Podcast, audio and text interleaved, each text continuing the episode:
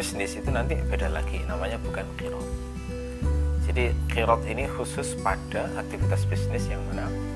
Satu ada menjadi pemodal satunya lagi mengelola. Ya. nama lain dari kirot itu adalah mudorobah.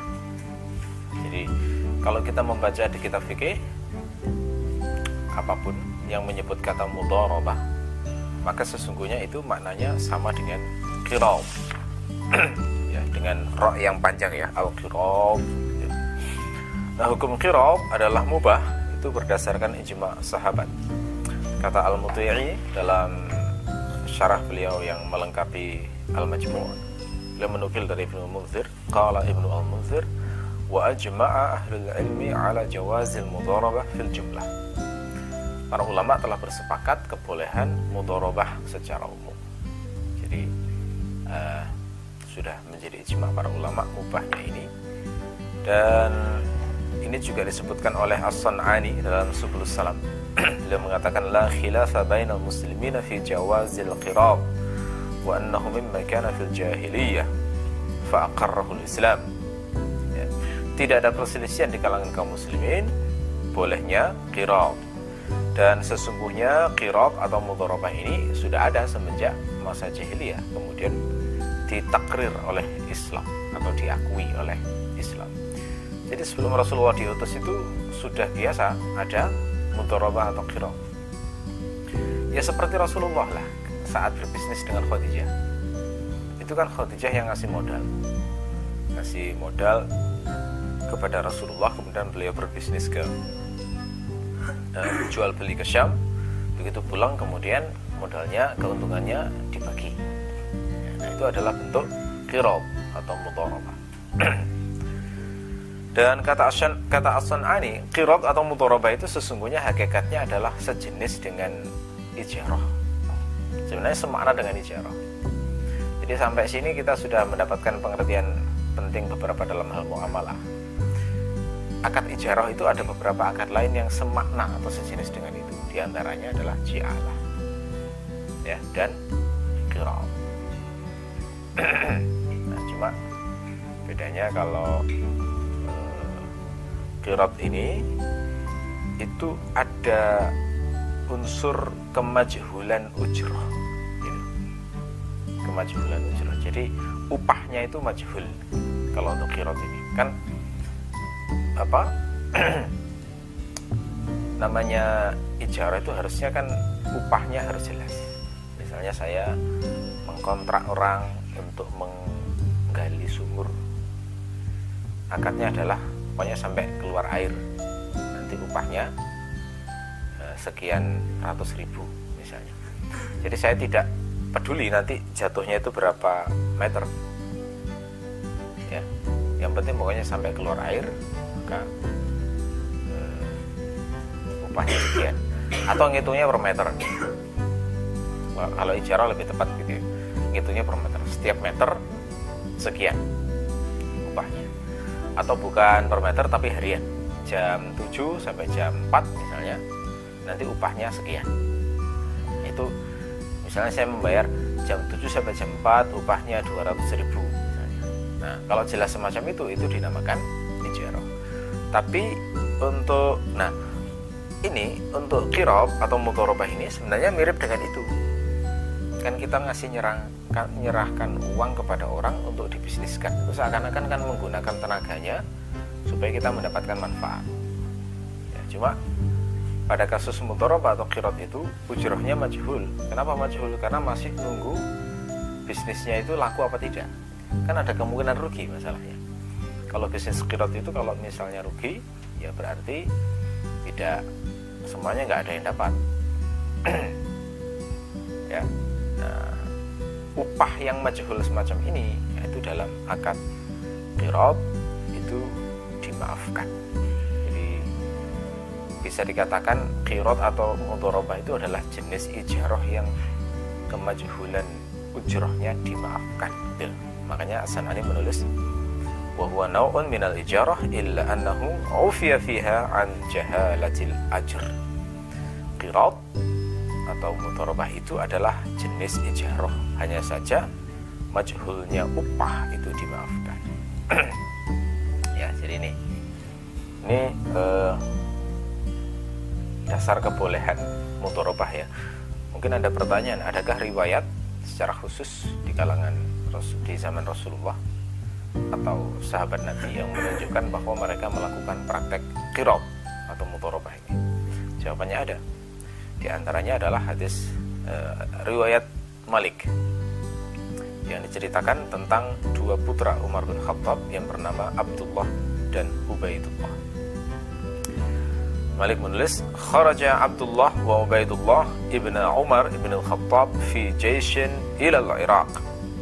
فلما قفلا مر على أبي موسى الأشعري وهو أمير البصرة فرحب بهما وسهل ثم قال لو أقدر لكما على أمر أنفعكما به لفعلت.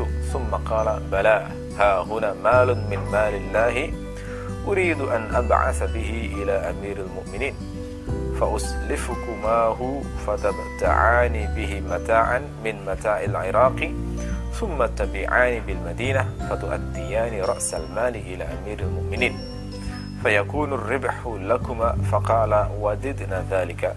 ففعل وكتب إلى عمر بن الخطاب أن يأخذ منهما المال فلما قدم باعا فأربحا فلما دفع ذلك إلى عمر بن الخطاب إلى عمر قال أكل الجيش أسلفه مثل ما أسلفكما؟ قال لا. فقال عمر بن الخطاب ابن أمير المؤمنين فأسلفكما أدي المال وربحه فأما عبد الله فسكت وأما عبيد الله فقال ما ينبغي لك يا أمير المؤمنين هذا؟ لو نقص هذا المال أو هلك لا ضمناه. فقال عمر أدياه.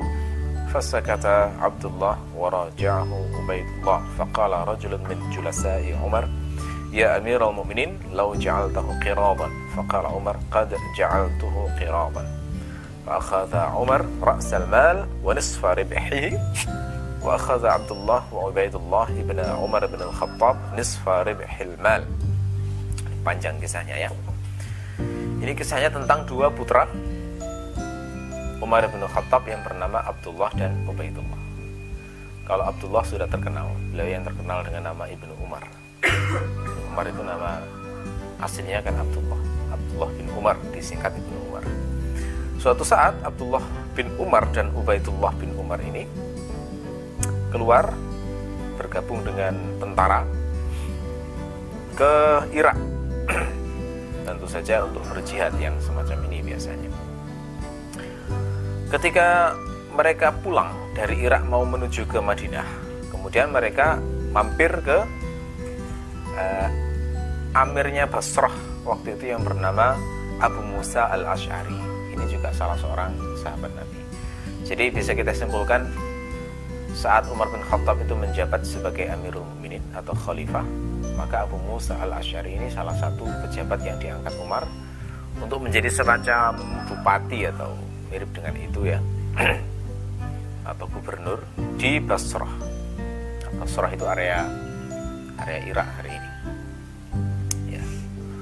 Maka Abu Musa menyambut mereka berdua, Abdullah dan Ubaidullah ini disambut, dimuliakan bagaikan tamu terhormat begitu.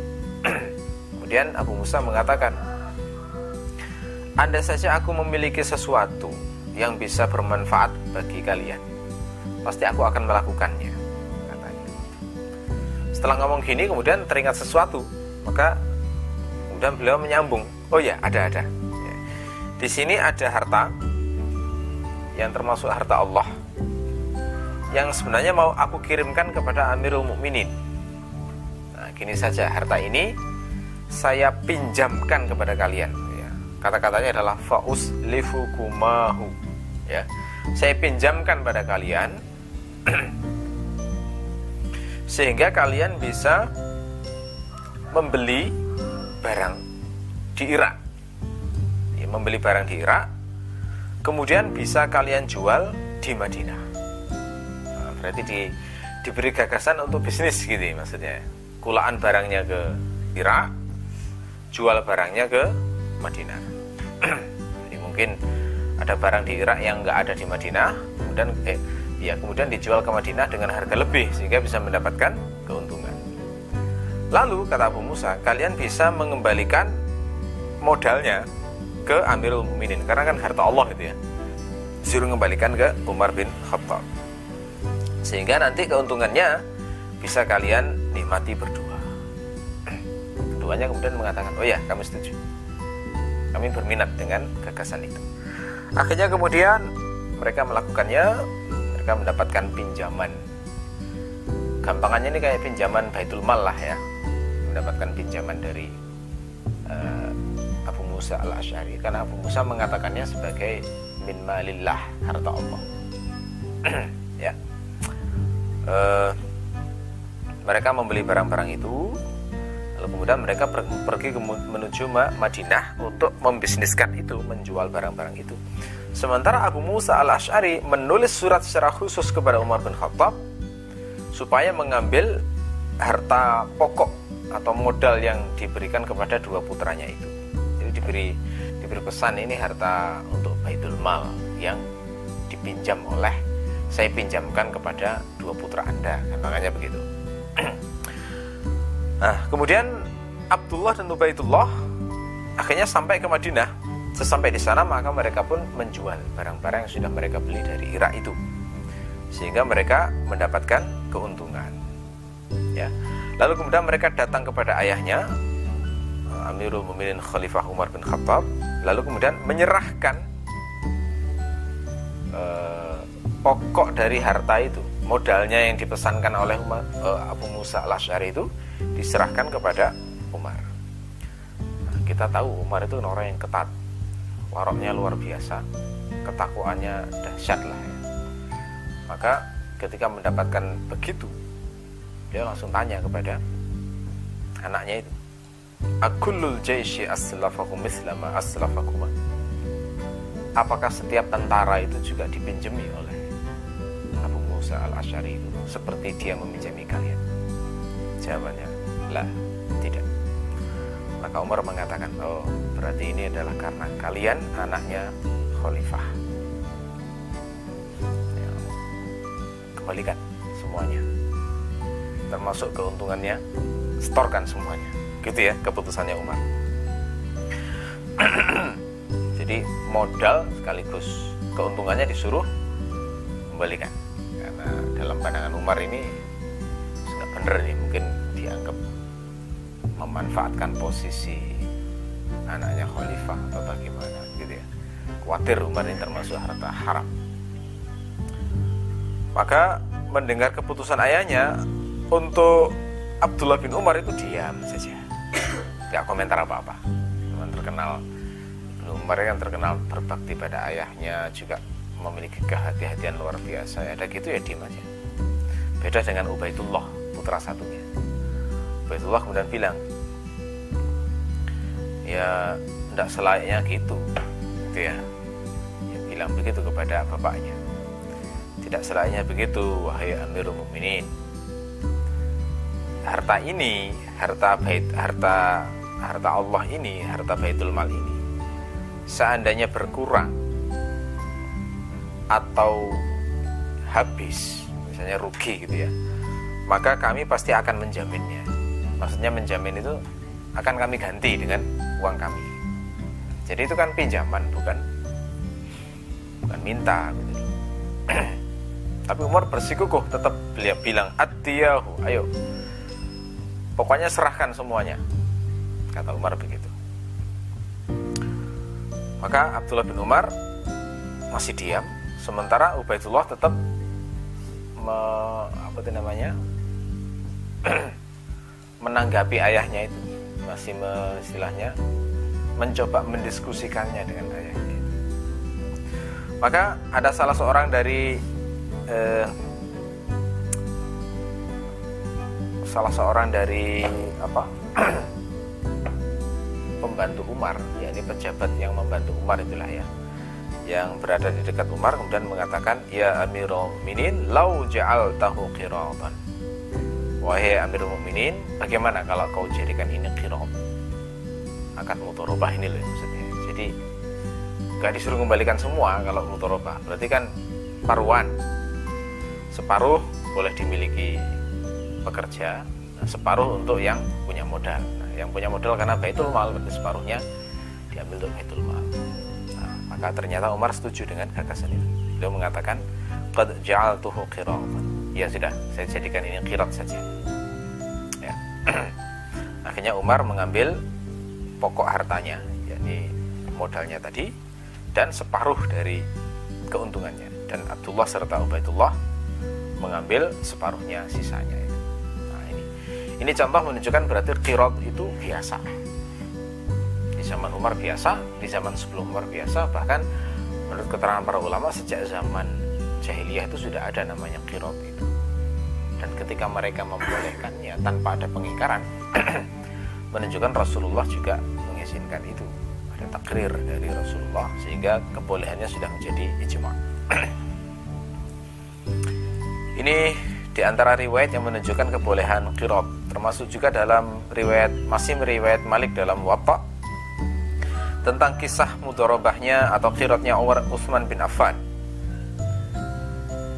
E, dari Al-Ala bin Abdurrahman dari ayahnya dari kakeknya bahwasanya Utsman bin Affan a'tahu malan qiradan ya'malu fihi ala anna ar-ribha bainahuma.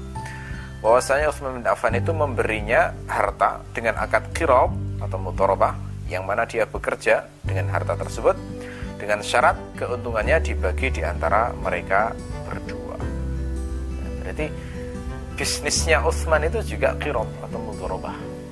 kita tahu Utsman itu adalah salah satu sahabat Nabi yang tergolong konglomerat ya sahabat ya. Ternyata di antara bisnisnya adalah kirot atau mutorobah ini yang tergolong syirkah ya. Eh, jadi itu. Ini adalah penjelasan dasar e, kemubahan dari qirab atau mutarabah. Lalu Abu Suja menulis walil qiradi arba'atu syara'id. Qirad itu qirad itu memiliki empat syarat. Jadi biar sah.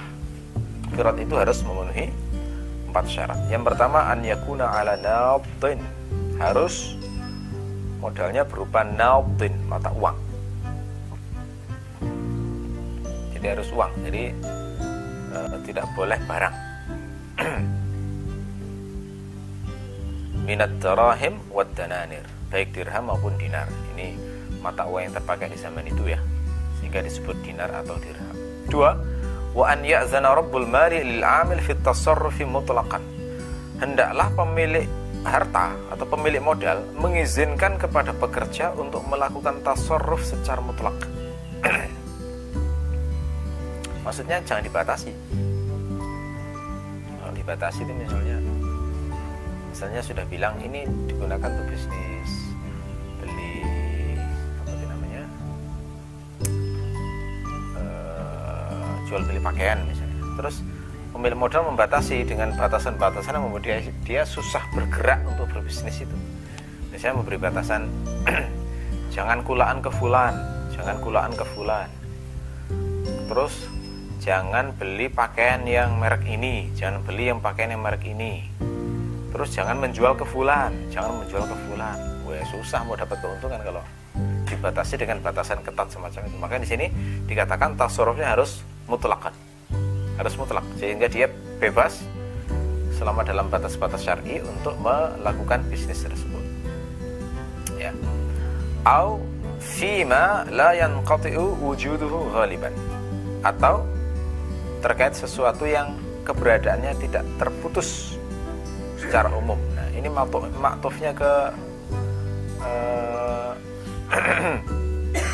ke fitasarruf mutlakan tadi. Jadi jangan sampai pemilik modal itu uh, memberikan syarat-syarat yang sifatnya memberatkan misalnya disuruh untuk berbisnis pada sesuatu yang langka atau susah didapat. Ya apa misalnya zaman sekarang yang bisnis barang yang yang susah didapat. Misalnya ini uang modal saya hanya membolehkan untuk bisnis jual beli sarang walet misalnya. Nah, itu kan nyarinya lumayan ya kalau nggak punya link. Nah, misalnya nah yang semacam ini e, bertentangan dengan dengan kaidah la yang qati'u wujuduhu ghaliban yang qati' itu kan terputus. Wujud itu keberadaan. Keberadaannya ter, e, terputus. Berarti kalau la yang qati'u wujuduhu ghaliban maknanya adalah keberadaannya umumnya tidak terputus. Jadi maksudnya izin tasarruf itu adalah pada sesuatu yang seyogyanya keberadaannya umumnya tidak terputus. Maksudnya barangnya gampang untuk didapatkan. Gitu ya. Jadi eh, paling tidak begitu izinnya itu. Izinnya adalah tasarrufnya mutlak atau izinnya adalah pada sesuatu yang keberadaannya itu umumnya tidak terputus. Itu maksudnya. Ya. Yang kedua, yang ketiga, wa an yastarita lahu juz'an ma'luman min ar-ribhi, hendaklah mensyaratkan bagian tertentu, bagian yang maklum yang diketahui eh, yakni upahnya. Upahnya disyaratkan eh, ada bagian tertentu yang eh, dibagi. Jadi harus jelas. Maksudnya harus jelas itu pemodal itu berapa persen. Pengelola juga harus Eh, dapat berapa persen. Nah, ya. Jadi kalau nggak jelas itunya ya nggak boleh. Yang keempat wa an la yuqaddara bimuddatin. Hendaklah tidak di uh, ditentukan batasan waktunya. Ya, maksudnya tidak boleh akad kirot itu misalnya bilang ini saya kasih harta silakan dibisniskan dalam jangka waktu tiga hari. Nah, itu bertentangan dengan maksud kirot akhirnya. Karena bisa jadi dalam waktu tiga hari ini masih belum bisa bisnis masih belum bisa jual beli gitu ya. Nah, kalau kalau yang dicontohkan oleh Ibnu Qasim al Khasi dalam Fathul Qarib itu malah sama setahun jadi kirot dengan dibatasi satu tahun itu malah nggak benar jadi tidak boleh ada batasannya Nah terus bagaimana memutuskannya? Tidak usah khawatir. Kenapa? Karena kirot itu akad jais. Akad jais itu sewaktu-waktu dibubarkan tidak masalah. Tanpa harus izin kepada pihak yang lain. Nah ini bedanya dengan ijarah ya. Kalau ijarah itu kan akad lazim. Ijarah itu akad lazim. Begitu sudah ada ijab kabul, kalau misalnya dibatalkan tanpa ada aib atau tanpa ada uzur, maka berlaku itu. Makanya misalnya ada orang kontrak rumah. Ya mengkontrak rumah. Sudah ada ijab kabul. Kemudian uang sudah dibayarkan. Lalu tiba-tiba yang pengontrak membatalkan. Nggak ada alasan tiba-tiba batalkan nggak bisa itu dicabut lagi. Ya itu akad ijarah itu semacam itu. Nggak bisa uangnya diambil kembali. Tsunami itu gimana? Hancur nggak bisa dipakai toh. Nah, yang semacam itu boleh diambil kembali semuanya tapi kalau rumahnya sudah sesuai spesifikasi di awal nggak ada masalah nggak ada apa tiba-tiba membatalkan. Hanya karena suka-suka nggak bisa. Karena ijarah adalah akad lazim sebagaimana jual beli. Tapi kalau untuk kirot atau motorobah itu akad jais sehingga boleh dibatalkan sewaktu-waktu. Pemodal bilang e, kita bubarkan akad ini setelah berjalan tiga bulan kemudian kita kita bubarkan akad ini. Maka ya sudah bubar tinggal dihitung berapa modal tersisa. Eh, tinggal dihitung hak masing-masing lah ya. Termasuk juga ketika pekerja bilang sudah cukup kayaknya saya nggak bisa lagi melanjutkan ini. Nah, dibubarkan. Sewaktu-waktu nggak harus izin nggak harus kesepakatan gitu loh. Nah, yang jelas ketentuannya gitu aja. Begitu akadnya dibubarkan maka modal dikembalikan kalau mengalami kerugian berarti dikurangkan dari modalnya. Kalau ada kelebihan atau keuntungan maka dibagi berdasarkan kesepakatan persentase. Walau dhamana 'alal 'amil illa bi'udwan ya, pengelola itu tidak wajib menjamin. Jadi hukum asal pengelola itu memang amin dipercaya. Ya jadi di, misalnya ada misalnya bawa barang jualan misalnya dari Malang ke Surabaya jualan barang jualan bisnis beras misalnya ya. Lalu kemudian di jalan berasnya itu dirampok orang. Itu kan hilang tuh akhirnya. Nah semacam ini nggak nggak ada kewajiban pekerja untuk menjamin karena dia dipercaya dan itu musibah. Musibah. Tapi kalau nah, illa bi'udwan kecuali karena karena kelalaian dari pengelola itu nah, maka dia wajib mengganti. Misalnya berasnya tadi itu eh, namanya dinaikkan truk tidak dikasih terpal. Padahal mampu padahal bisa. Lalu kemudian eh, kena hujan rusak misalnya gitu ya. Nah itu harus ganti karena kelalaian dia. Begitu. Ini maksud dari walau tamana 'alal 'amil illa bi'udwan wa idza hasala ribhun wa khusran jubiral khusranu birribhi kalau terjadi keuntungan dan kerugian maka kerugiannya itu ditambal dengan keuntungan. Jadi namanya bisnis kan mesti nggak semua transaksi itu untung gitu ya. Mungkin ini satu transaksi untung yang lain rugi tidak masalah yang rugi ini ditambal dengan keuntungan dari ya, transaksi yang lain. Jadi menghitung itu bukan per transaksi tapi secara keseluruhan. Nanti akhirnya bisa diketahui berapa laba bersihnya sehingga bisa dibagi berdasarkan kesepakatan